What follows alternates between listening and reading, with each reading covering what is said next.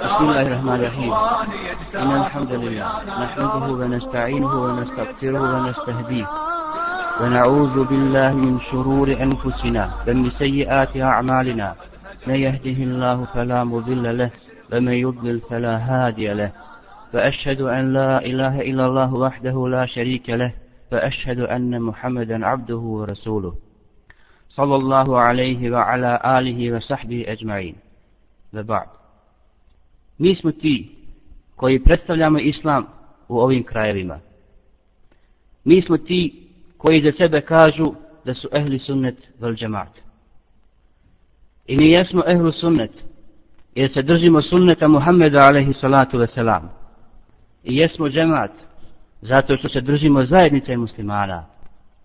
Isto tako mi smo ehli sunnet jer smo naslijedili akidu imama ovog ummeta pripadnika ove spašene grupe ehli sunneta. Međutim, naslijedivši od njih akidu, da li smo mi od njih uzeli i sve ono što ide uz tu akidu? Jer često se dešava da mi koji se ponosimo time što smo od ehli sunneta, često se dešava da griješimo u svom ahlaku, u svom moralu, u svom odnosu prema svojim roditeljima, prema svojim komšijama, prema drugim muslimanima. Tako da ne predstavljamo ispravno ehli sunnet u tim segmentima. A trebalo bi da oni koji nose to ubjeđenje i tu akidu, da je uzmu u potpunosti. Da uzmu sve ono što uzmu ide. Vidimo tako primjer šehhul Islama ibn Tejmije. U svojoj poznatoj knjizi, El Aqidatul Vasitije, u kojoj govori najviše u sifatima Allaha tebarek ve ta'ala i pojašnjava ispravna shvatanja po tim pitanjima i pojašnjava dakle mezheb ehli sunneta. Čime završava tu svoju knjigu? Završava je govorom o osobinama ehli sunneta. Kao da hoće reći, oni koji nose ovaj akidet se opišu ovim osobinama. Oni koji na ovakav način vjeruju u Allaha tebarek ve ta'ala, na ovakav način predstavljaju to svoje vjerovanje. Svi smo mi dosta slušali o ahlaku. Međutim, makoliko slušali o tim temama, i dalje smo u potrebi da o tome slušamo. Iz više razloga. Prije svega, zato što ahlak i moral ima veliki značaj u ovoj vjeri. Čak što više, pogledamo li u predaje od poslanika, alaihi salatu wasalam, koje govore o ahlaku, naćemo da se ahlak u najviše slučajeva veže upravo uz najveće deređe koje se obećavaju na ahiretu. Pa tako vidimo poslanika, alaihi salatu wasalam, gdje kaže Ekmelul mu'minine imanen ahsenuhum hulukan, alaikum salam. Najpotpuniji vjernik u svojoj vjeri je ko? Onaj koji ima najljepši ahlak.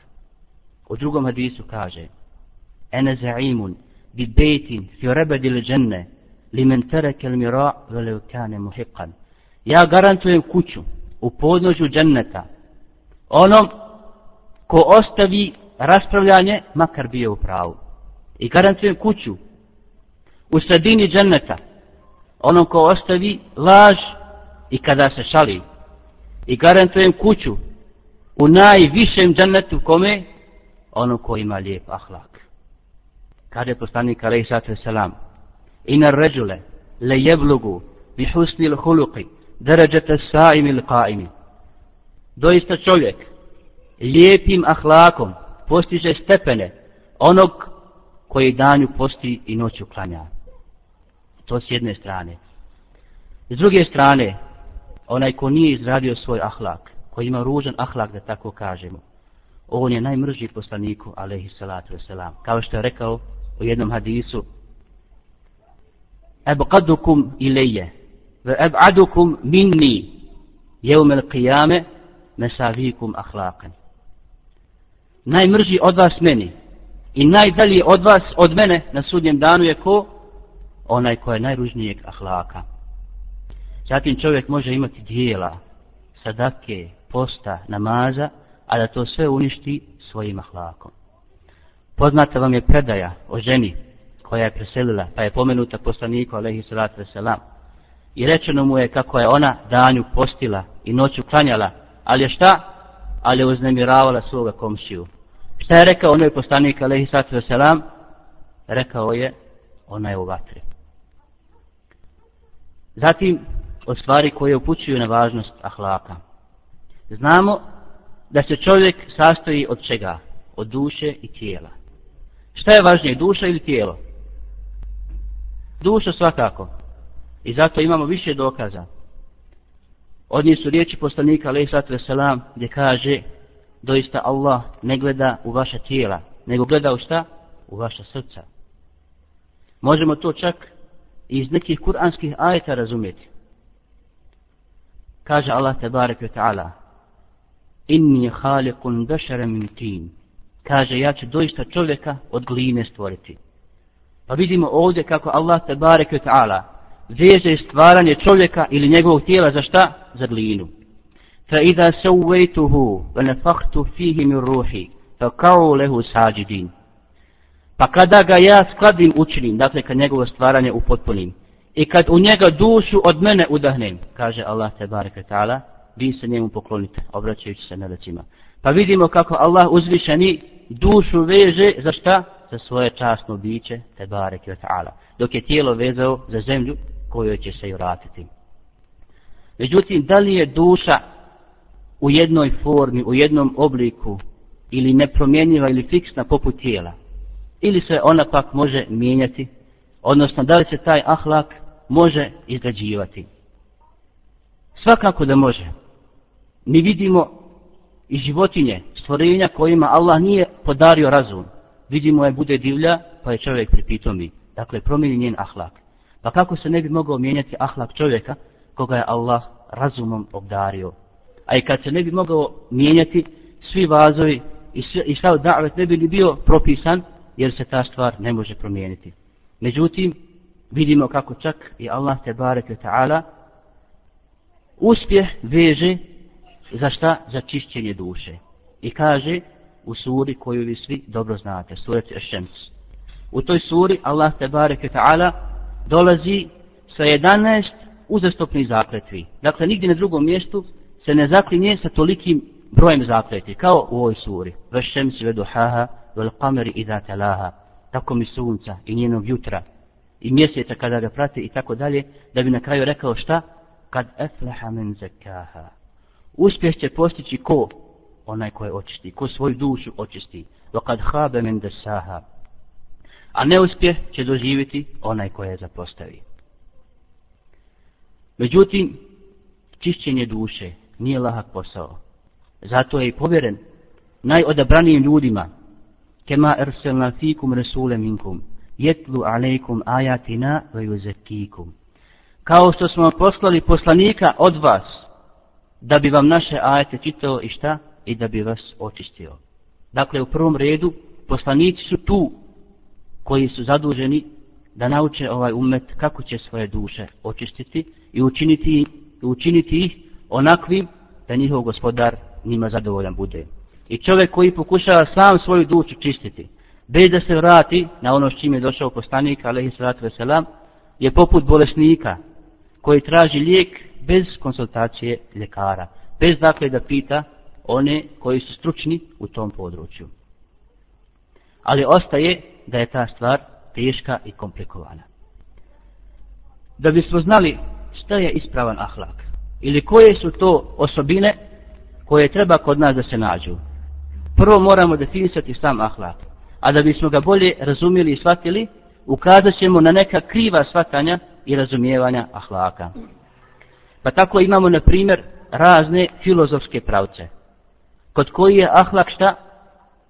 Koji ahlak vežu isključivo za razum. Pa šta im razum kaže da je lijepo, to je kod njih lijepo. Zatim imamo druge racionalne pravce. Kod koji je ahlak sve ono što im ostvaruje slast i užitak. Pa tako vidimo kako pozivaju u totalnu slobodu i totalni nemoral. Imamo opet druge a to je čitav kršćanski zapad danas, kod koji je ahlak šta? Korist. Ono što donosi korist, kod nje je pozitivno. I kod nje je dobro i kod nje lijepo. Pa tako vidimo, na primjer, kako su oni u svom poslovanju, u svojim trgovačkim odnosima prema nama poštenije čestiti. Pa se možda pitamo, otkud im ta čestitost, otkud ta lijepa osobina da se nađe kod njih, kad znamo da oni ne drže do vjere, niti drže do nekog lijepog hlaka. Međutim, oni su jednostavno vidjeli da tom osobinom sebi ostvaruju korist, jer na takav način će moći, moći će dugo i uspješno poslovati. Da oni slijede u svom ahlaku korist, možemo lako vidjeti kroz duhan. Bio je lijep po njihovim mjerilima, jer su smatrali da im donosi korist. Pa kad su vidjeli da mu je šteta veća od koristi, počeli se boriti protiv njega. Jer je dakle njihovo mjerilo ta korist. Zatim imamo opet neke koji su otišli u jednu drugu krajnost, a to su oni koji se zovu sufijama. Šta je kod njih ahlak? Kod njih je ahlak da se čovjek u potpunosti odrekne dunjaluka. Ili da u potpunosti sasjeće ili iz korijena izvodi one prohtjeve koje je Allah usadio i učinio da u čovjeku postoje. To isto nije ispravno. Jer Allah te barek ta'ala te prohtjeve koje nam je dao, nije ih tek tako dao. I ne treba da se u potpunosti iskorijene. Naprimjer, pohlepa je zabranjena. Ali ako čovjek ne bi imao potrebu za jelom, na takav način bio uništen. Kukavičluk je isto tako negativna osobina. Međutim, kad se čovjek uopšte ne bi bojao, brzo bi sebe sam odveo u propast. Šta je dakle potrebno? Potrebno je samo te prohtjeve i te strasti koje Allah učinio da imaju u čovjeku staviti u određene granice. Kao što se to razumije iz mnogih ajeta. Kulu vešrebu vela tusrifu. Jedite i pijete, ali šta? Ali nemojte pretjerivati. Elazina iza enfaku. Lem yusrifu velem jakturu. Vekane bejne zalike kavama. Oni koji kada udjeljuju ne raspaju se, ali ne škrtare, nek šta? Nek sredinu između to dvoje traže. Pa šta je onda pravi ahlak? Šta je mjerilo ispravnog ahlaka? Upitana je Ajša radijallahu anha o ahlaku, o moralu poslanika alaihi salatu wasalam. Pa šta je rekla? Kjane hulukuhu Kur'an. Njegov ahlak je bio Kur'an. Dakle, nije rekla, njegov ahlak je bio plemenitost, hrabrost ili neka druga osobina, nego je vratila na izvor svega toga, na Allahovu knjigu. Dakle, kada hoćemo da poprimimo neki ahlak, da se opišemo nekom od lijepih osobina, nećemo to učiniti zato što je ona prihvaćena u našoj sredini, nego zato što se ona slaže sa ovom vjerom. A neka niko ne kaže da se ahlak ne može izrađivati. Istina, postoje osobine koje su čovjeku urođene, na kojima ga je Allah stvorio, kao što je upitao jedan asab, kao što je rekao poslanik alaihi sallatu wasalam jednom od ashaba, inne fike le hisletejni, juhibuhum Allahu wa juhibuhum Rasul. Doista ti pri sebi imaš dvije osobine, njih voli Allah i njegov poslanik. Pa je pitao, rekao je zatim, el hilmu vel enat, blagost i smirenost, odmjerenost. Pa je pitao taj ashab te dvije osobine, koje voli Allah i njegov poslanik. Jesam li ja njih kod mene izgradio ili me je Allah stvorio na tim osobinama? Pa je rekao ne, nego te je Allah stvorio na tim osobinama. Dakle, vidimo ovdje da postoji taj urođeni dio. Međutim, postoji onaj drugi dio, a to je dio ahlaka koji se stiče vježbom i koji se kod čovjeka izgrađuje. Na to upućuju isto tako neki hadisi. Poput hadisa gdje kaže poslanik, alaihi salatu wasalam, al ilmu bi ta'allum, vel hilmu bi ta'allum znanje se stiče učenjem, dakle osobina znanja se stiče kako? Učenjem, vel hilmu, a blagost se stiče čime? Bitahallu. Da se čovjek pretvara kao da je blag. On u osnovi nije blag, ljut je, međutim, nastoji da se ponaša kao što se ponaša onaj ko je blag. I kroz vrijeme to postane njegova osobina koju je on kod sebe izgradio. Dakle, iz ovog hadisa razumijemo da se, da se osobine mogu izrađivati da vidimo sada i da progovorimo o nekim konkretnim osobinama i sifatima koje treba da se nađu kod nas kao sredbenika ehli sunneta vel džemata. U prvom redu dolazi osobina iskrenosti i istinitosti. Iskrenosti prema Allahu tebareke ta'ala i istinitosti prema Allahovim robovima.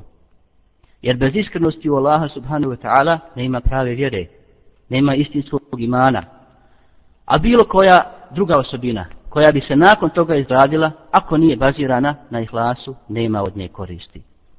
Kako kaže Allah uzvišeni o nevjericima, وَقَدِمْنَا إِلَّا مَا عَمِلُوا مِنْ عَمَلٍ فَجَعَلْنَاهُ هَبَاءَ مَنْسُورًا I mi smo prišli dijelima koja su oni uradili, pa i šta? U prah i pepeo pretvorili. Dakle, nikakve koristi od tih svojih dijela nisu imali, iako su ona možda u osnovi pozitivna, možda ih Islam podržava, međutim šta? Nisu bila izrađena na ihlasu, na pravoj vjeri u Allaha tebareke ta'ala. Zatim istinitost prema Allahovim robovima. Upitan je poslanik, alaihi salatu wasalam, može li vjernik biti škrt?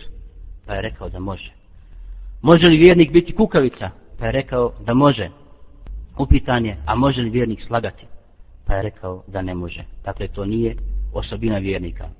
Ova osobina, osobina istinitosti, nekad bude čovjeku gorka i čovjeku teška, međutim, ona sigurno ima neminovno dobar i lijep završetak. Pričatimo se one trojice ashaba, koji su izostali iz bitke na Tebuku. Pa kada su munafici dolazili poslaniku, alaih wasalam, izmišljajući lažne, razne laži opravdanja, ovi ashabi su ostali iskreni i nisu lagali. Pa kakav je bio završetak? Jes da je bilo teško podnijeti sve to, tu izolaciju koju su bili izloženi, međutim na kraju Allah te bareke ta'ala objavljuje ajete koji će se čitati sve do sudnjega dana, ajete u kojima govori da je on primio njihovo pokajanje. Nakon toga, Ka ibn Malik, jedan od te trojice, govori, nakon ovoga nikada mi više nije ni naum palo da učinim ni najmanju laž onom što mi je ostalo od ostatka života. I molim Allaha da me na tome učvrsti. Tako je govorio i tako se njihova iskrenost isplatila. A ova osobina je naročito izražena gdje? Kada je u pitanju hadijska nauka. Kod učenjaka koji se bave hadisom. Jer trebalo je izdvojiti ono što je uistinu poteklo od poslanika alaihissalatu wasalam od onoga što je njemu pripisano. Pa tako znamo slučaj imama Buharija. Kad želi provjeriti ispravnost jednog hadisa, pa zbog njega putuje u drugi grad.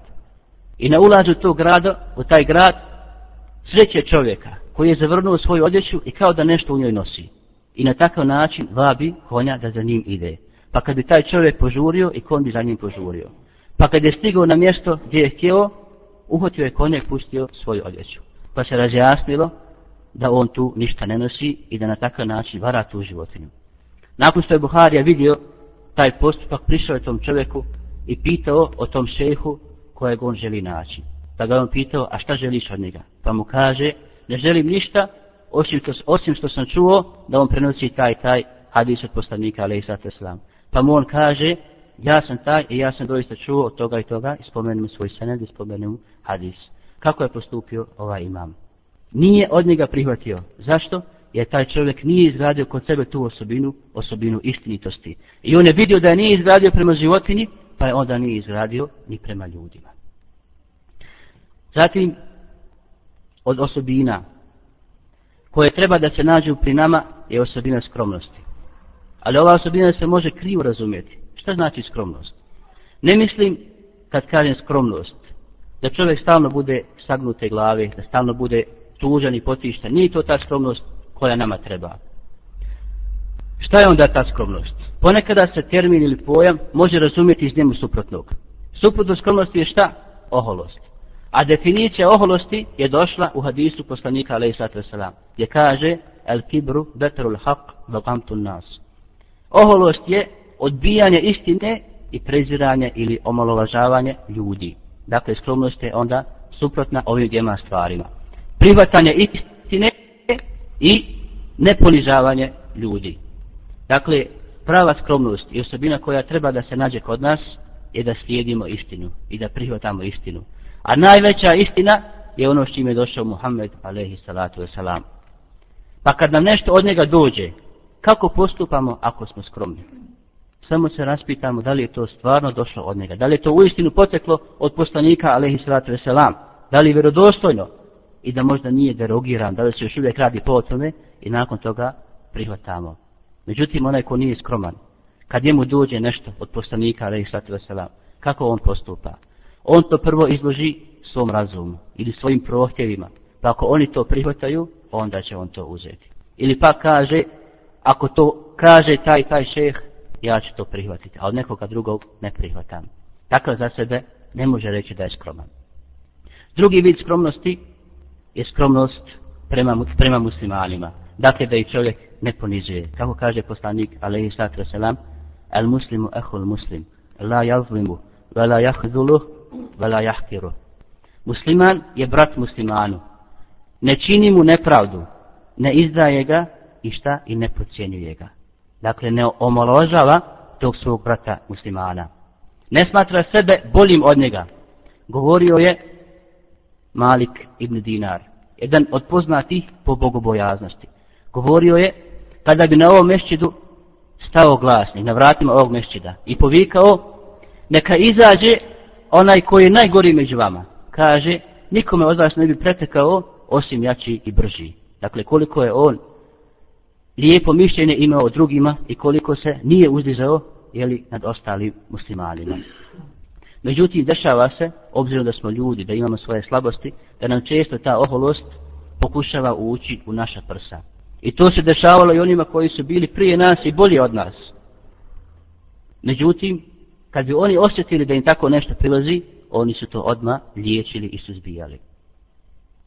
Urva ibn Zubeir kaže, vidio sam jednom prilikom Omera radijallahu anhu, kako nosi na svojim ramenima veliku mješinu sa vodom. Omer radijallahu anhu. Kada? U vrijeme kada je bio halifa. Dakle, prvi čovjek u toj tada najjačoj sili koja postoji na zemlji. Prvi čovjek spustio se na nivo najobičnijeg fizičkog radnika. Nosi tu, tu tešku posudu sa vodom na svom ramenu. Pa mu reče ovaj asab, zašto to vođa vjernika? Ne priliči tebi, ti imaš drugi posla, ne tim da se baviš. Kako odgovara Omer radijallahu anhu?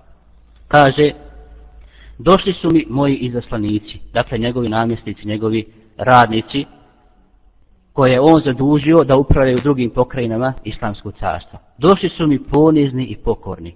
Samo čekaju da Omer nešto zuce pa da oni odmah to urade.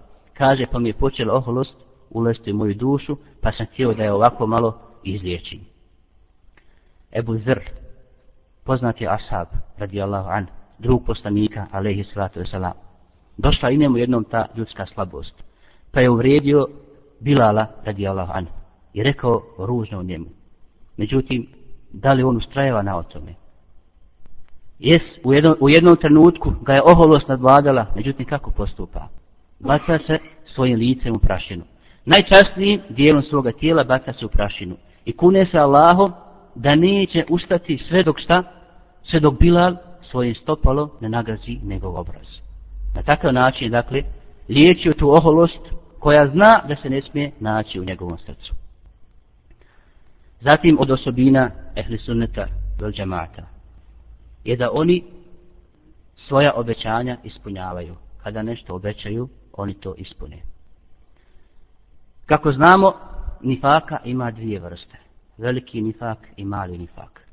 Veliki nifak je da čovjek prikriva kufr i nevjerstvo, a ispoljava islam. I to su oni o kojima Allah uzvišeni kaže Innal munafiqina fi drkil asfali minan nar. Doista su munafici gdje? U najdubljim dubinama džehennema ili vatre. I druga vrsta nifaka je takozvani mali nifak ili nifak u dijelu.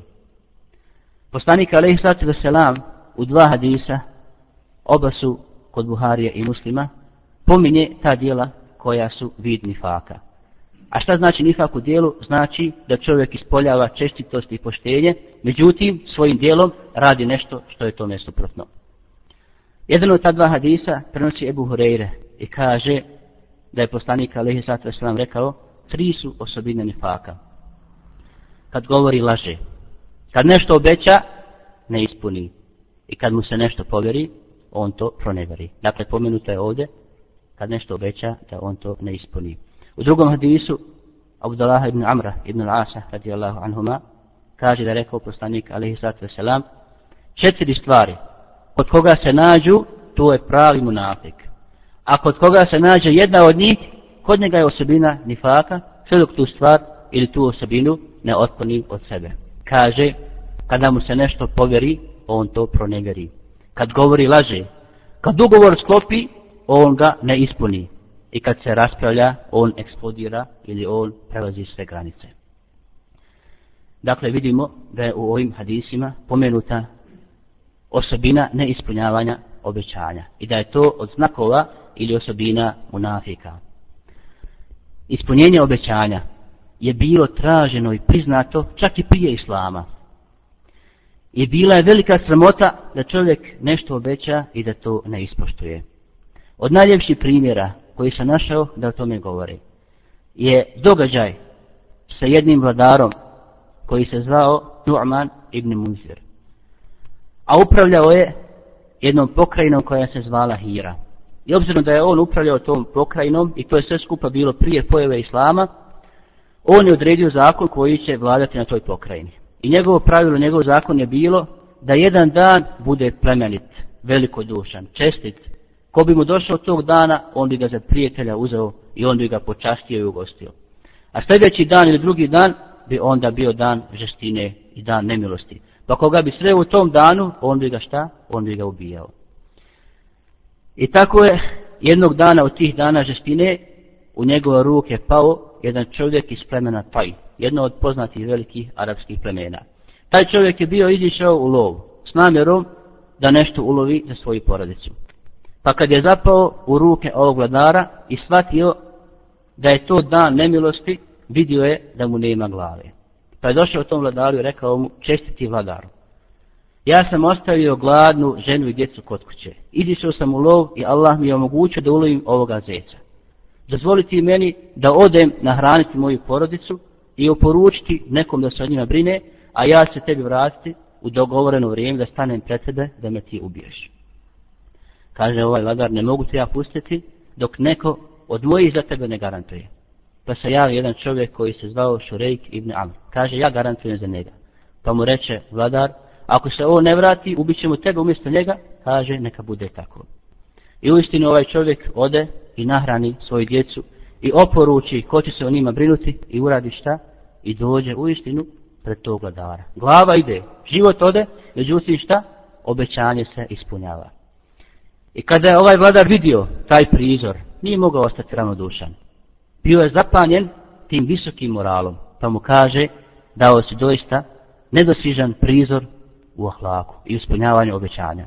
A i ti o Amru, obraćajući se onom čovjeku iz svog plemena, pokazao si veliku dobrotu i hrabrost, obzirom da je garantovao za njega, da se ovaj nije vratio, on bio ubijen. Pa kaže, neću nija biti najgori od nas trojice. Pa je onda ukinuo taj svoj dan žestine i nemilosti i oslobodio jeli, tog čovjeka. Vidimo dakle kako je ova osobina bila priznata i tražena i cijenjena kod ljudi koji nisu znali za islam.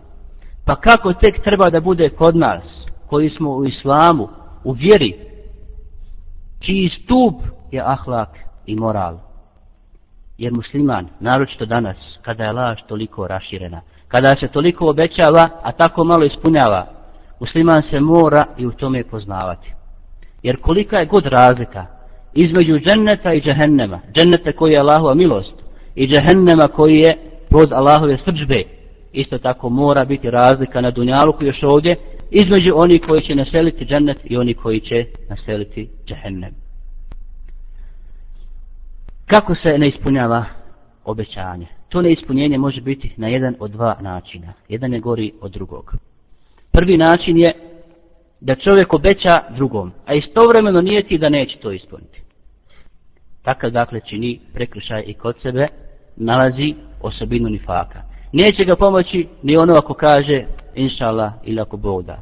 Jer on šta? Jer on u startu nije ti da neće ispuniti to svoje obećanje. Druga vrsta neispunjenja je da čovjek obeća i nije ti doista ima namjeru da ispuni to obećanje. Međutim, kasnije, kad on vidi da to ispunjenje zahtjeva određeni trud od njega, on bude lijen i to ne uradi. I nema opravdan razlog da ne ispuni ono što je obećao, međutim i svoje ljenosti. Takav isto se smatra da nije ispunio obećanje i da pri sebi ima osobinu od osobina nifaka. Zatim od osobina sjedbenika ehli sunneta vel džamata je osobina stida. Zašto spominjem stid? Kako ga ne bi spomenuo kada je poslanik alaihi salatu veselam pomenuo u toliko hadisa i toliko predaja? Rekao je, stid je dio imana. Stid ne donosi ništa osim dobro. Ako se ne stidiš, radi šta hoćeš. Rekao je, svaka vjera ima svoj ahlak, a ahlak islama je stid. Međutim, stid isto tako se može ponekad krivo razumjeti, kao što je bilo i sa skromnošću. Jer stid ne znači slabost, stid ne znači ne reći riječ istine onda kad je treba reći. To više nije stid, nek to znači slabost. Isto tako kad je u pitanju traženje znanja, tako je rekao poslanik alaih sallatu selam, neće znanje postići dvojica, onaj ko se stidi i onaj ko se oholi. Onaj ko se stidi ima kod sebe nejasnoća, međutim sram ga da pita i ostaje nejasnoća kod njega i tako se gomila. Onaj koji se oholi kaže sam sebi da će drugi pomisliti da ja nisam ovako prostu stvar shvatio i zato neće da pita i tako i on neće naučiti.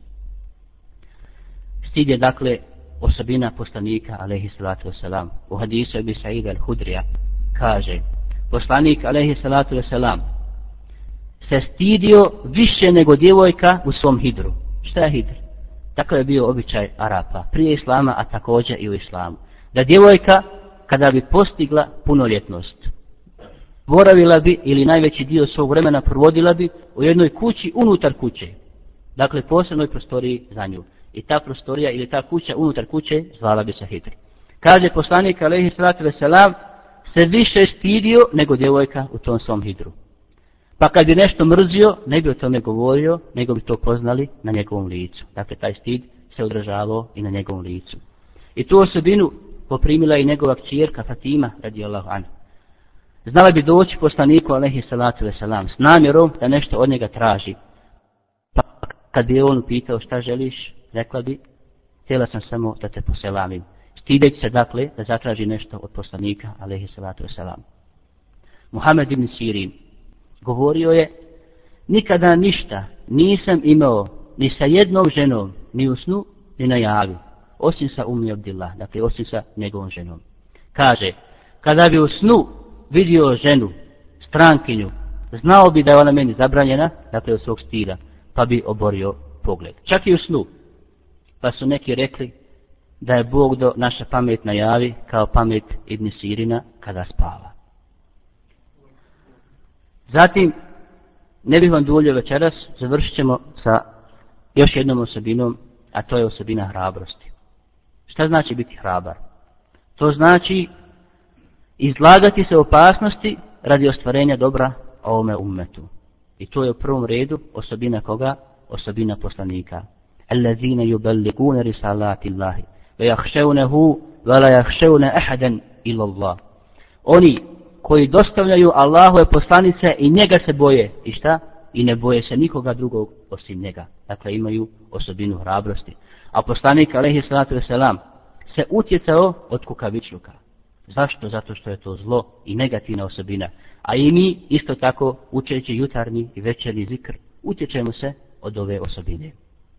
Hrabrost se može ispoljavati na puno načina, a dva najjasnija načina su šta? Su borba na Allahovom putu i riječ istine pred nepravednim vladarom. Pa da vidimo u oba ova primjera neke od, od slučajeva među ashabima ili onima koji su nas u dobru pretekli. Ali je radi Allahu anhu. Nikada nije izišao na dvoboj, a da nije svog neprijatelja pobjedio. Šta znači izaći na dvoboj? Jedan će neminovno biti ubijen. Ili ćeš ubiti, ili ćeš biti ubijen. Upitan je je radi Allahu anhu. Kako ti pobjeđuješ svoje neprijatelje? Kada su bile one fitne i sukobi između Muavije radi Allahu an i Ali radi Allahu an, Muavija nagovara Amr ibn Lasa da se suoči sa Alijom i govori mu zaklinjem te Allahom da se suprostaviš Ali. A on mu govori Muaviju, to je Alija, ko će sa Alijom suprostaviti? Međutim, Muavija bio uporan. Pa kada je Amr ibn As izišao pred Aliju, šta je uradio? Zabada svoj mač u zemlju i govori, nisam ja junak koji tebe izaziva. Ovo je mene Muavija na to nagovorio. Upitan je Alija, kako ti pobjeđuješ svoje neprijatelje? Kaže, računam da ću ga pobjediti. Dakle, ne stavlja nikakvu mogućnost da ja možem biti pobjeđen. Pa se onda ja i moja duša udružimo, pa ga tako pobjedimo. A ne misliti da su se oni borili sa slabićima ili sa kukavicama. u bitci na Hajberu, židovski junak Merhad, izlazi i šepuri se pred zidinama Hajbera i recituje pjesme u kojima se hvališe i izaziva ashabe na dvoboj. I izlaze mu ashabi, jedan za drugim, njih sedmerica, on ih ubija. Da bi mu na kraju izišao ko Alija radi Allah an. I jednim udarcem mača, pola njegov štit i tako dokrajčuje ovoga židova ili tog židovskog junaka. Drugi primjer gdje hrabrost dolazi do izražaja je, kako smo rekli, riječ istine kod nepravednog vladara. I tu imamo divan primjer o jednom poznatom učenjaku koji se zvao El Evzai. I to vrijeme kada se rađala Abesijska država. Kada su se Abesije svijetile onima koji su bili prije njih na vlasti, Beni Umejete. I njihov vladar, Abdullah ibn Ali, a to je Amidža Ebi Džafera el Mansura. U jednom danu ubija koliko? 38.000 duša. U jednom, samo, samo u jednom danu ubija. 38.000 muslimana. I kad je to uradio i krv još posuda teče, iskuplja oko sebe svoju svitu, svoje vezire i pita i ima li ko da bi se suprostavio ovom što sam ja uradio? Ko se smije suprostaviti? 38.000 dodao jednu navato ili odezao, ništa više ne znači. Kažu, nema niko, osim Evzaji. Pa im reče, dovedite mi tog Evzaja. Pa kada je on čuo da ga traži Abdullah ibn Ali, taj ubica, taj koji je toliko krv prolio, kako je postupio ovaj Alim? Okupao se i obukao kefine. Zatim preko kefina obukao svoju odjeću a zatim je dolio Allahu te bareke taala i on ga tražio pomoći da ga pomogne protiv ovog zlikovca. Kada je taj vladar čuo da je Zai dolazi, naredio je svojim dželatima da se poredaju u saf. I naredio je ime da izvuku svoje sablje i da ih dignu u zrak. A svoje vezire je poredao oko sebe. Pa je ulazio Evzai, prolazeći ispod tih isukani sablji. Pa kad je stao pred njega, vidio ga je ljutog i namrščitog. Pitao ga je taj vladir, taj vladar. Šta kažeš ti o ovoj krvi koju smo mi prolijeli? Pa mu kaže ovaj vladar. Rekao mi je taj i taj, od tog i tog, od tvog djeda, Abdullaha ibn Abbasa. Ja rekao poslanika, alaihi salatu wasalam. Krv muslimana nije dozvoljena osim u jednom od tri slučaja. Onaj ko počini zinaluk, a ženjen je ili je bio ženjen. Onaj ko ostavi svoju vjeru, dakle murtad, i onaj ko bespravno ubije drugog čovjeka.